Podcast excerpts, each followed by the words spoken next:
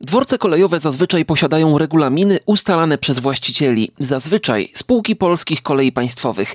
Na tej podstawie Straż Ochrony Kolei lub inne organy mogą tam interweniować. Świdnicki dworzec należy do miasta i regulaminu nie posiadał. Straż Miejska, która ma w budynku siedzibę, nie mogła sobie poradzić z osobami, które z dworca zrobiły sobie noclegownię. Odremontowany budynek zaczął odstraszać podróżnych. To główny powód ustanowienia regulaminu, mówi Magdalena Dzwonkowska, rzeczniczka miasta. Często zwracali uwagę na to, że w poczekalni dworca przesiadują e, osoby bezdomne, osoby pod wpływem alkoholu.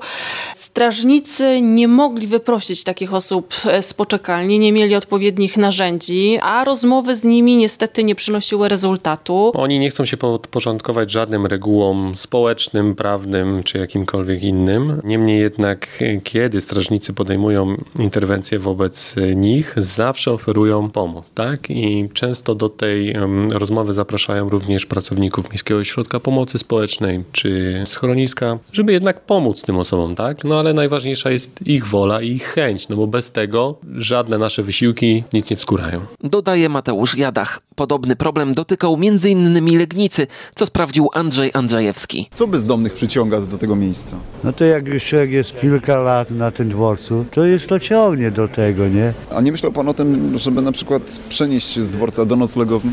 Ale to, to trzeba mieć y, swoje naprawdę twarde postanowienie, jak to się mówi, nie? To nie każdy wytrzyma. Co w noclegowni jest tak źle? No to był na noclegowni, przecież wróci stamtąd. Czemu pan wrócił? Taką styczność miałem z wychowawcą. Kolega był pod wpływem alkoholu. Wychowawca posądził mnie, że ja też jestem wypity, prawda? To wiadomo, wybije alkomat. No i ja raptem wykazało 0,4.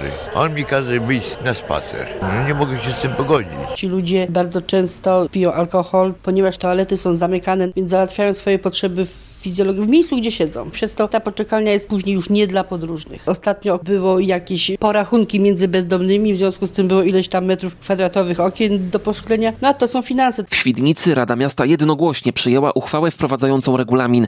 Jednak rozgłosu sprawie dodał niefortunny zapis, charakteryzujący jakie cechy powinna wykazywać osoba, której nie wolno przebywać w obiekcie. Szczegółowo on reguluje kwestie przebywania tam osób nietrzeźwych, osób pod wpływem środków psychoaktywnych, żebrania, niszczenia wyposażenia tego dworca, czy też głośnego słuchania muzyki. W pierwszej wersji zapis brzmiał osób brudnych o odrażającym zapachu.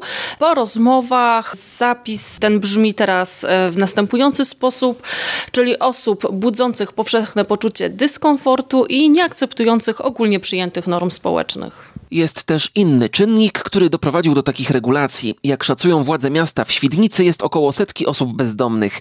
Ci nocujący na dworcu w dużej mierze nie pochodzą ze Świdnicy i nie dają sobie pomóc. Z naszych obserwacji i szacunków domyślamy się, że to około 70% z tych osób nie jest e, mieszkańcami naszego miasta, tylko przyjechali do nas z różnych innych miejscowości i ościennych i, te, i dalszych. I taki główny problem to mamy z taką trzydziestką osób, wobec których notorycznie są prowadzone interwencje właśnie Straży Miejskiej.